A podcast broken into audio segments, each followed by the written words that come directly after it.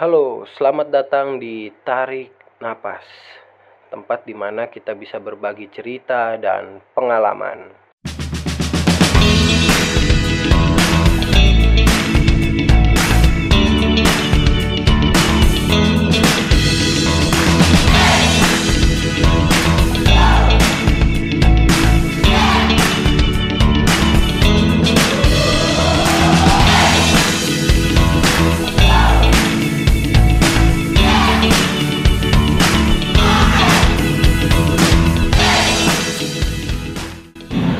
Sekarang saya lagi nggak sendiri, saya lagi ditemani bersama calon sosiolog dari Universitas Brawijaya Malang, sekaligus drummer dari band Roda 3 dan Soci Coach Logi. Kevin Joshua Gunawan atau kerap bisa pakai Jo. Gimana Jo? Malang Jo? Nah, asik asik asik lah dingin kan terus juga nggak sebarbar Jakarta Jakarta ya?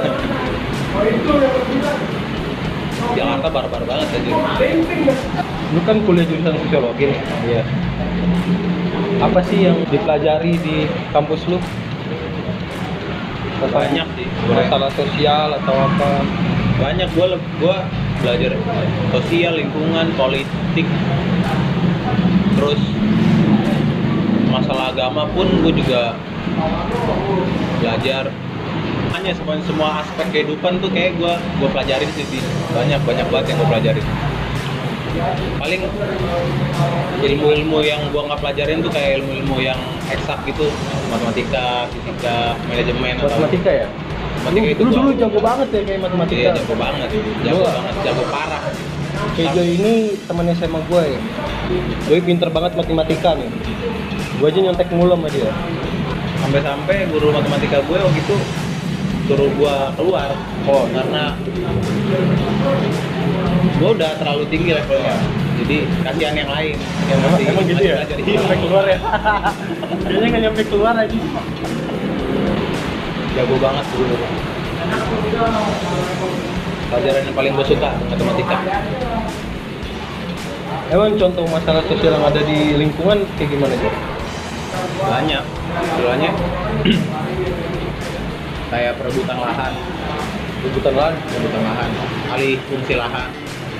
Alih fungsi lahan misalkan Nah ini nih, kayak di ini terjadi nih. kita ambil contoh di Jogja deh di Kulon Progo Kulon Progo Oh, oh yang dijadiin bandara ya? jadi bandara internasional Oh. nah, itu menimbulkan banyak masalah Kerugian. sosial Oh. juga sebenarnya negara pengennya apa tapi masyarakatnya pengennya kayak gimana? Terus adanya pembangunan itu juga berdampak ke hilangnya mata pencarian ya kan? Bener tinggal. Banyak banget. Kayak petani di sana ya. konflik. Petani. Petani yang yang bangun tidur terus pengennya dia untuk bekerja untuk bertani sekarang enggak. Misalkan ada pembangunan itu jadi petani-petani itu paling jadi apa sih? Jadi contoh ya misalkan tukang parkir atau apa buruh pekerja lah buruh gitu. Yang tadinya dia apa, pemilik tanah. Tapi kan diganti rugi tuh.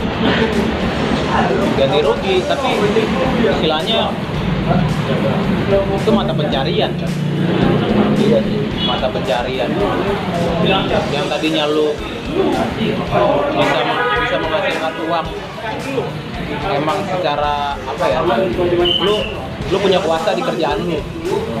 Petani karena lu punya lahan sekarang lu bukan lahan lu lahan negara lu kerja di situ ke mana kerja kan yang digaji yang gak seenak dulu lah. Tempat tinggal segala macam. Tapi emang jadi dibangun ya? jadi. Udah ada kok. Waktu itu kan gua ngeliat tuh udah ada namanya. Tapi nggak di nggak di blow up sama media. iya itu. Media juga gue bingungnya itu doang. Jadi orang-orang yang nggak di lokasi pada nggak tahu. Itu tuh menimbulkan banyak masalah sosial sebenarnya pembangunan tuh aduh. Lagi Jakarta ya. Tol pun tol aja yang Jakarta Surabaya. Ya, kalau salah itu banyak banget masalah sosial. Walaupun bagus sih misalkan mau buat infrastruktur negara untuk akses jalan lebih lancar. Tapi kan masalah sosial masa mau dilupain? Tapi kenapa dikorbankan rakyat jelata rakyat itu? Si rakyat yang lebih lemah kayak gitu kan. Nggak bisa menata ya itu aneh yang kaya makin tinggi yang miskin ya tertindas terus aja. Vertikal ya berarti ya? tertindas gitu aja udah. Kayak sedih sedih juga sih. Lihat itu.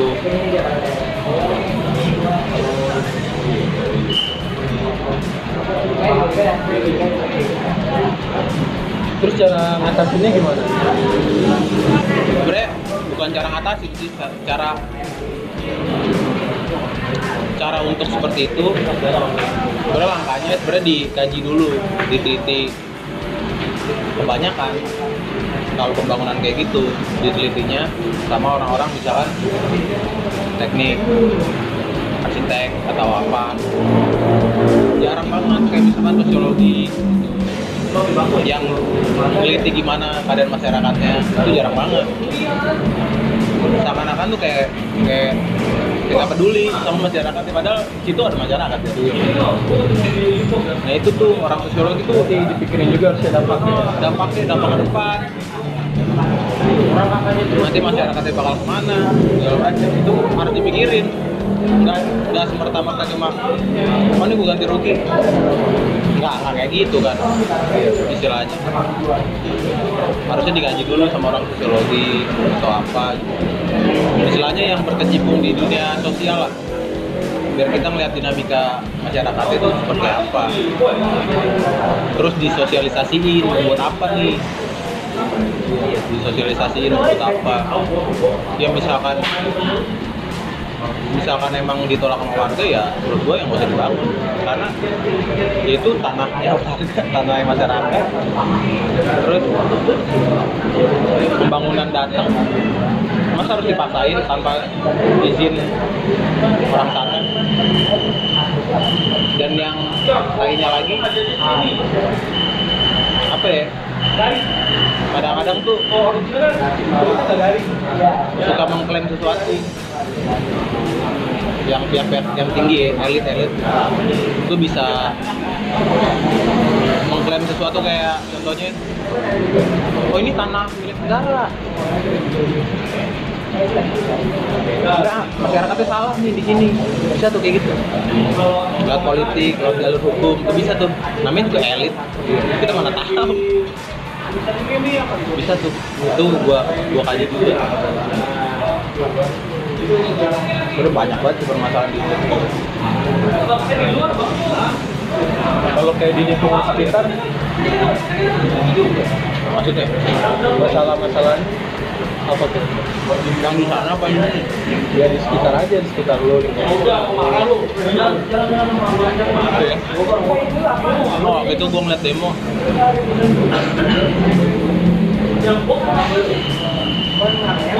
Eh, Mother Earth ya kalau nggak salah yang sayangi bumi di bumi Eh, ya contohnya kayak misalkan buang sampah ke sembarangan terus polusi dikurangi naik kendaraan umum lah hitungannya. Tapi gue gue juga mau ngeliat itu apa ya? Kadang-kadang kayak lu demo nih menuntut hak bukan menuntut menuntut sesuatu lah. Untuk masyarakatnya berubah. Tapi lu nggak bisa sampai dengan demo itu doang. Menurut gue yang demo juga. Misalkan ngerokok. Abunya nggak sembarangan. Kan gua apa juga? Iya. Makanya kontradiktif banget sebenarnya berarti harus dari mulai dari pribadi oh, sendiri dari diri pribadi dulu. Buang puntung rokok apa? Puntung rokok. Lu nggak mungkin kan bawa stok tiap hari jalan-jalan. Nah itu juga bisa masuk tuh. Ke pengusaha-pengusaha kecil bikin asbak yang bisa dibawa jalan-jalan. Asbak portable wah men portable keren tuh. Jadi meminimalisir sampah-sampah potong rokok lah. Di jalan-jalan udah nggak ada karena kayaknya kayaknya ribet tadi ya tadinya orang rokok biasa di jalan ya kan? Kalau udah habis ya udah buang gitu ya harus bawa asbak portable aja ya maksudnya itu satu satu langkah untuk aksi nyata lah. Aksi nyatanya itu dia mau kurangin sampah puntung rokok. Dia buat asbak portable. Ini ngaruh ya terhadap lingkungan. Baru. Hmm, ngerokok kita kali berapa bungkus kali berapa ratus orang? Berapa juta orang ngaruh banget. Walaupun kecil ya tapi dampaknya kulit banyak juga ya banyak banget. Banyak banget. Kayak pengennya masyarakat masyarakat kita tuh kalau misalnya mau berdemo ada aksi nyatanya. Ada produk lah ada produk di situ. Gue pengen melestarikan lingkungan nih gue buat ini buat ini nih.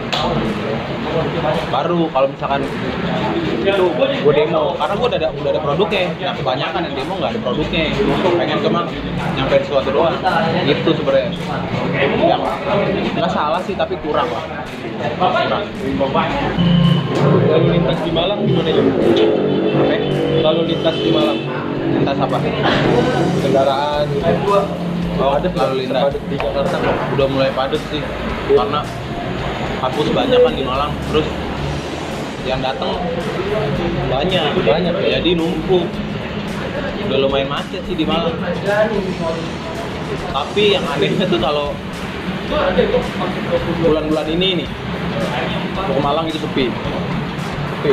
karena perantauan kan udah udah pulang semua itu sepi banget. Nggak ada macet sama sekali. Apalagi ya? Oh iya lu juga kan seorang drummer nih. Sekarang udah bentuk sebuah grup band grup musik lah ya. Apa namanya? Ro- roda tiga. Tiga ya. Itu gimana awal terbentuknya?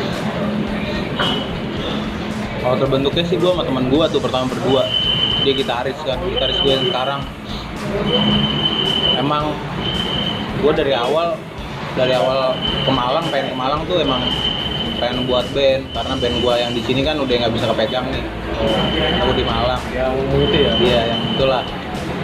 Terus ya gue pengen buat band nih.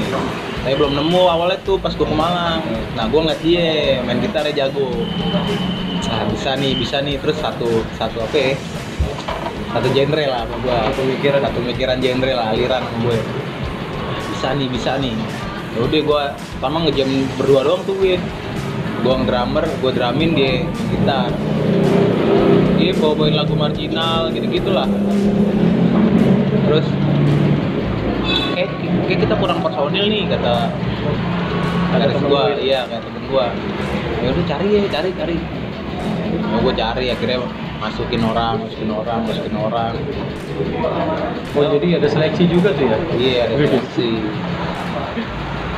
Nah ya udah tuh di seleksi seleksi seleksi akhirnya berempat. Berempat. Berempat ya udah. Satuin visi misi mau yang ke mana bikin lagu. Rekaman nih gue udah rekaman. Satu lagu doang tapi. Single ya? Single. Nah. Depannya pengen buat album sih proyekan album. Pro tiga. Jadinya rock lah rock karena di Malang roknya aduh keren sih rock rock Malang tuh keren keren Kenapa namanya roda tiga? Kenapa nggak yang lain gitu yang lebih sangar gitu ya kan? The the killer, wede, the killer man. Kan secara genrenya metal sih.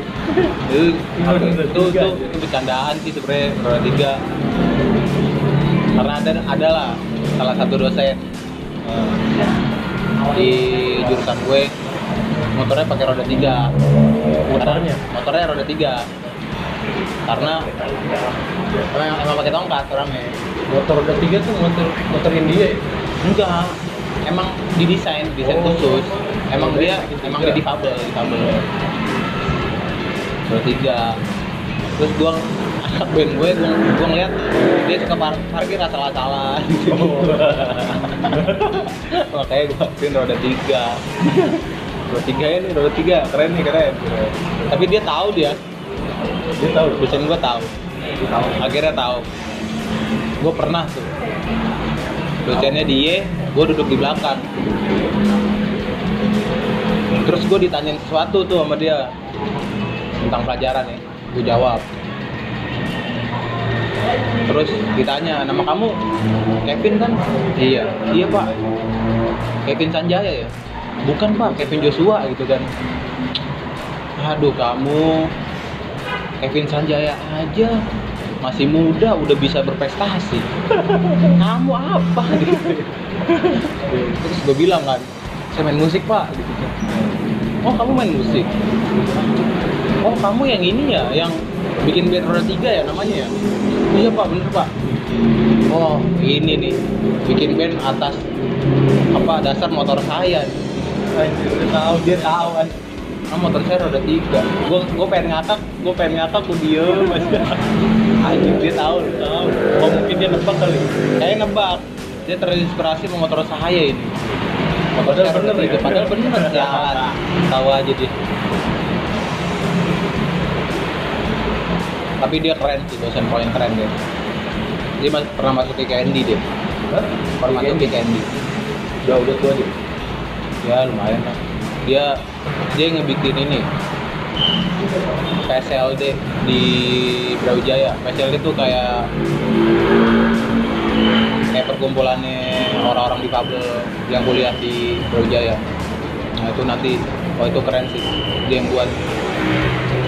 Keren itu dia S2 di Hawaii keren. Ya. Hawaii dia kocak dosennya kocak juga sih Balik lagi Jo ke masalah sosial Jo. iya Gimana cara lu ngadepin orang yang anti sosial? Emang anti sosial itu gimana sih? Kayak orang jarang komunikasi dengan orang lain gitu ya. Nah itu tuh gua konsep itu bisa beredar gua juga bingung tuh. Antisosial. Gua nggak tahu konsep dia mikirnya sosial itu apa ya. Padahal dia hidup juga udah bersosial. Iya. Lu beli rokok lu interaksi ke orang. Iya. Lu beli makan. Lu beli sabun buat mandi lu. Gua nggak ngerti pemikiran dia apa yang antisosial. Kayak ada orang yang males banget gitu ngobrol sama orang-orang dibilangnya anti sosial. Itu setuju loh gitu. dia main Instagram Nah, itu bersosial aja. Berjejaring. Iya lewat media tapi. Lewat media. Makanya gue bingung konsep konsep dia. Pengertiannya dia tentang sosial tuh apaan kayak nggak ngerti deh dia. Tapi cuma karena dia orang yang introvert jadi bilangnya gue anti sosial nggak ngerti gue gue introvert.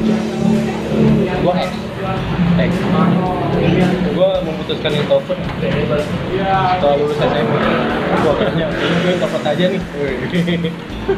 awalnya lu X ya awalnya X gue X X parah lu ya. X banget gue Sampai salah gue. Anjir. Saking X-nya ya kan. Iya, sampai salah. kan gue bandel juga gara-gara lu kan iya. Apaan lu? Gue lagi main futsal? Lu belum kenal gue, lu tiba-tiba ngikutin gue lari di belakang anjir. Pakai baju hijau gue inget banget. Gue gue milih school futsal tuh kan gara-garanya gue nggak tahu nilai eskul apa Jo gue disuruh ibu gue gue disuruh ibu gue milih eskul merpati putih. Rohis gue ngeliat dua eskul ini kayak banyak kegiatan Jo apalagi merpati putih Lu malas tuh banyak kegiatan. iya gue males. Kenapa? Di sekolah udah pulang jam 3 gue harus tambah kegiatan yang kayak gini-gini lagi. Maka dari itu gue kayak ngeliat deh eskul futsal santai ini gini-gini doang latihan main gitu doang kan. Eh ternyata gue terjerumus dalam pergaulan. Banget anjing. Iya parah. Padahal lu orang sono ya. Maksudnya lu pergaulan orang sono lu udah pasti paham lah. Nggak kayak gue, gue orang sini. iya maksud gue pergaulan dalam eskul gitu Di luarnya juga nyambung. iya parah sih gila sorry kalau suaranya nggak kedengeran suara lagi di luar Gila ya, KFC rame banget. ya. iya Dari tadi segitu-segitu aja. Nih. nanti judulnya ini Jo mengungkap sisi gelap dari seorang sosiologi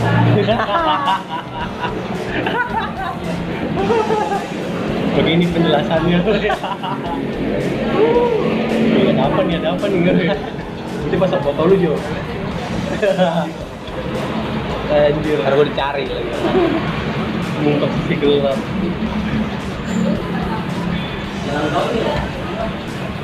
tapi orang-orang di Malang asik ya Asik-asik. Asik-asik. Yang gue temuin ya, yang gue temuin. Asik-asik. Istilahnya kayak kalau udah kenal mah udah brother banget dah. Udah brother banget. Terus berani-berani orangnya.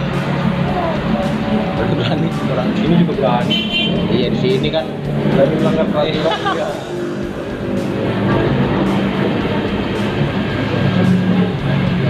sini mah dari beberapa suku, beberapa budaya masuk ke sini nyari uang, jadi keras lah itu kan. Iya. kayak di sini kayak harus dituntut lu harus kerja Iya harus kerja. Karena dari pendidikan kita aja begitu. iya Cetaknya jadi pekerja. Cetaknya kalau misalkan jadi pengusaha gitu keren. Ini dicetaknya jadi pekerja. Gak pendidikan juga sih. Dari apa ya? Dari segi lingkungan lu juga, misalkan dari lingkungan keluarga. Ter kayak gue ceritanya sosiologi mau jadi kerja apa? Kerja kan? iya sosiologi. Kerja apa? Ini ntar SMA lulus dari mau jadi kerja apa? Kerja apa? Iya, sosiologi ntar tuh lu kerja. Apa? nah itu pertanyaan yang paling bangsat. jadi RT ya jadi RT konteksnya kerja kan? Iya. Bukan jadi lu mau apa gitu? Iya dita- pertanyaan pertanyaan diganti kayak nanti lulus jadi dari sosiologi mau jadi bos apa? Wih, kan keren nih ini kerja. Ya udah jadi budak aja terus. Walaupun kemungkinannya kecil ya. Iya, kemungkinan kecil tapi kan setidaknya udah di apa ya, dipantik lah, dipantik untuk lu jadi atasan lu jadi apa ya, biar banyak uang lu jadi pekerja. Tapi kan emang konstruksi sosialnya di kita kan kayak gitu. Kerja kerja kerja kerja.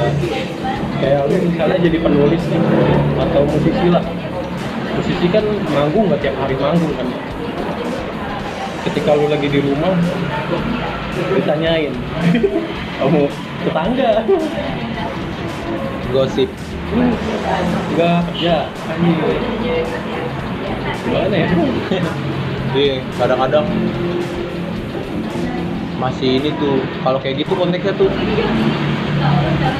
kerja kamu apa sih? Gue pengen bilang gitu misalkan. Gue kerjaan gue gitaris. Oh nggak bisa Jo. Nggak bakal diakui pekerjaan lu. Iya mereka tuh ngeliat sebuah pekerjaan itu kayak lu datang bangun pagi pakai seragam konstruksinya kayak gitu tuh Iya. konstruksinya kayak gitu. Pulang sore atau pulang malam.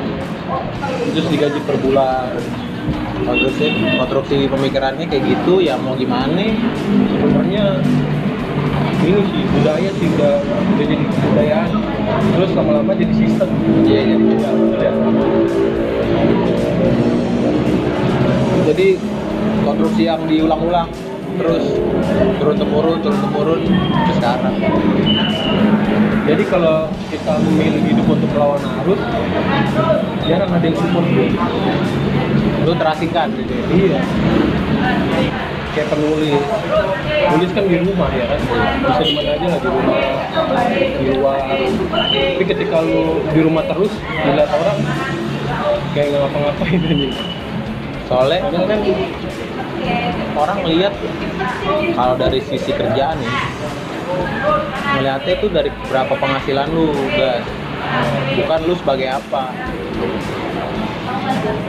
kalau misalkan lu penghasilan lu 20 juta sebulan orang udah pasti diem anjir iya iya Iya, diem pasti.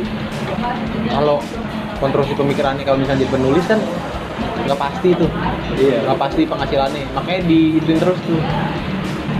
Ini konteksnya masih uang, Kayak- materi lah, ada yang kelihatan Iya. mereka ya materi, materi, materi. kalau misalnya kerja nih jadi guru misalnya atau karyawan swasta lu udah punya lu beli mobil nih. Wih di antara oh sukses nih. Apa padahal guru masih kredit Tapi emang kalau mau buat usaha atau jadi penulis gitu emang harus ekstra apa ya? Harus tekun terus deh. iya semua juga gitu. Berusaha keras oh, gila tuh. Terus nyari gua harus beda dari yang lain. Biar lu selalu ngangkat ke atas. Begitupun juga musik. Kayak gitu juga modelnya sebenarnya. Dari segi genre ali, apa? Lirik. Lu harus beda dari yang lain. Kalau lu sama lu bukan sebagai kompetitor lu sebagai apa ya? Sebagai anak buah lah itu mana kayak misalkan gue buat band. Yang alirannya sama persis kayak Poin Teduh gue harusnya jadi kompetitornya Pain Teduh dong. Tapi karena aliran gue sama lirik gue modelnya kayak gitu ya gue jadi anak buahnya Pain Teduh. Pasti orang-orang masih dengerin Pain Teduh ngapain dengerin gue? Lu siapa ya anjir kecuali gue bikin yang beda. Jadi gue jadi kom- kompetitor yang paling teduh nih. Orang-orang juga bisa dengar oh nih paling teduh enak. Tapi ini juga enak. Aliran yang berbeda. Aliran juga beda nih enak juga. Kayak gitu. Harus yang beda. Kalau kayak musisi gitu kalau lu bisa diakui harus terkenal dulu ya. Baru bakal diakui. Karena kan enggak juga ya. Karena banyak musisi yang banyak manggung tapi nggak begitu terkenal. Kan Iya, banyak banyak. tapi mereka nggak diakui. Nggak diakui. Kayak kelompok penumpang roket pakai R. Keren aja keren. Joki. Mereka selalu Joki ganteng banget deh musik-musik sekarang keren-keren sih. Apalagi yang dari ide kayak Danila, Jason Ranti, Jason Scooter kalau dengerin. Bro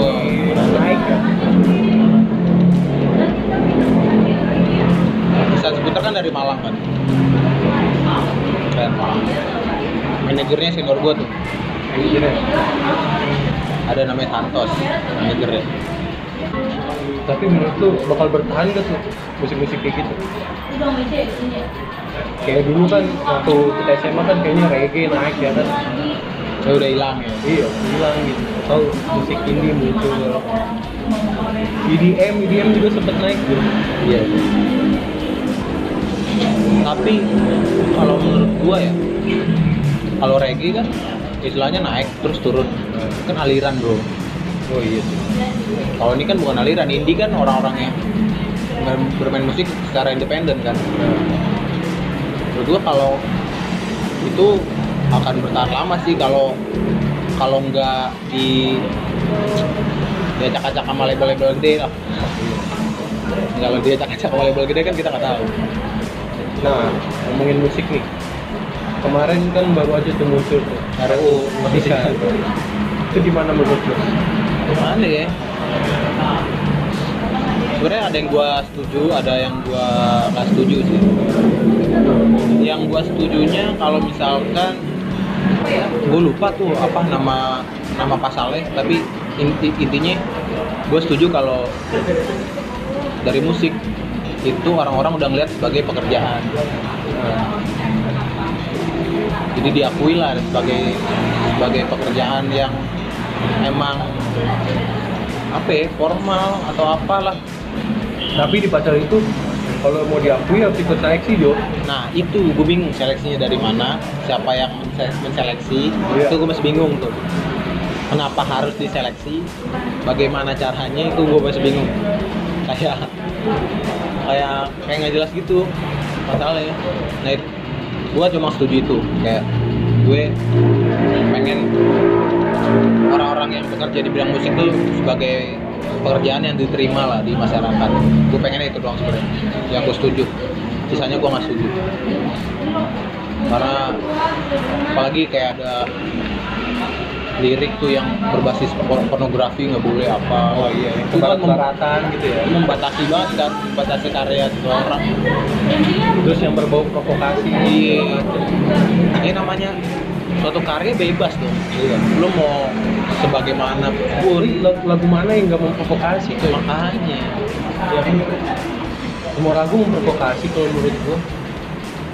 Intinya intinya kalau misalkan lu nggak suka lagu itu karena terlalu provokasi provokatif atau terlalu pornografi? Udah nggak usah dengerin simpel ya? Ini kan? Bukan lu mencegah karya dia. Mungkin menurut gua takut ada yang memprovokasi tentang pemerintah. Terus kenapa terus kenapa Iya kan? dia kan? Nggak ada salahnya juga kan? Mereka takutnya itu kali.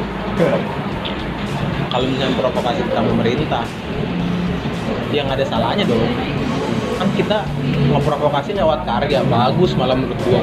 Nggak lewat adu fisik atau apa. Itu bagus sih menurut gua. Tapi gua nggak nggak tahu kenapa ya. kenapa harus di menjadi suatu stigma lah. Kenapa gue bingung hidup ini penuh kebingungan lah kawan Marcel aja juga setuju. Banyak banget yang nggak setuju Setuju ternyata tapi yang gue kritik dari ini mohon maaf ya orang-orang yang orang-orang yang non musisi tapi ikut untuk tolak RU permusikan. Gue pengen ngeritik sedikit sih karena eh, jangan sampai lu ikut tolak RUU permusikan karena idola lu dalam bermusik itu nolak juga. Paham gak? selalu cuma ikut-ikutan lah. Tanpa lu bedah sendiri masalah kayak gimana. Terus jangan sampai lu nolak RUU permusikan. Tapi lu ketika lu bikin konser lu minta harga murah sama desarnya ngaco. Desar apalagi di apa ya dari indie ya indie label. Dia mak dia mata pencarian dia dari konser-konser. Ketika lu minta murah harga murah harga miring istilahnya lu apa ya lu nggak menghargai karyanya dia dong. Iya. Tapi lu nolak RUU permusikan kan kontradiktif tuh. Banyak sebenarnya pasal-pasal karet karet ya. pasal yang membingungkan. Untuk membatasi doang membatasi orang-orang. Jadi orang digap-gapin gitu. Jadi intinya apa nih Yo? inti dari apa nih? Kan banyak pembahasan dalam bersosialisasi harus gimana? Jadi kalau untuk bersosialisasi ini tujuannya kapan nih ke orang-orang yang anti sosial anti sosial apa gimana? ya boleh kan ya mungkin gua harus tahu konsep konsep apa yang lu bangun tentang sosial. Itu apa? Karena menurut gua lu mengu- mengungkapkan anti sosial itu menurut gua nggak ada. Karena dasarnya orang manusia kan makhluk sosial. Iya. iya kan? Lu antisosial lu siapa ya? Ini hewan. Nyamuk kayaknya dasar evolusi kan makhluk makhluk sosial. Iya, dari mana ya? Sosial ya? makanya gue bingung. Konsepnya apa gitu Kan kita interaksi-interaksi juga. iya. Lu lahir dikasih susu sama siapa lu nyari sendiri susu. Sama nyokap orang tua lu atau siapa gitu? Orang lain kan gua nggak ngerti apa gue pengen tahu aja sih. Tapi yang yang pastinya lu udah lu secara tidak sadar lu udah bersosial. Iya benar. dengan cara lu sendiri. Itu sih kesimpulannya Oke, makasih nih Jo, udah ngeluangin waktunya buat gue nih. Sharing-sharing tentang pengalaman, cerita-cerita. Oi, sama-sama brother. Kita udah dulu sesi wawancara bersama sosiolog WD. Ingat, jangan lupa untuk tarik napas.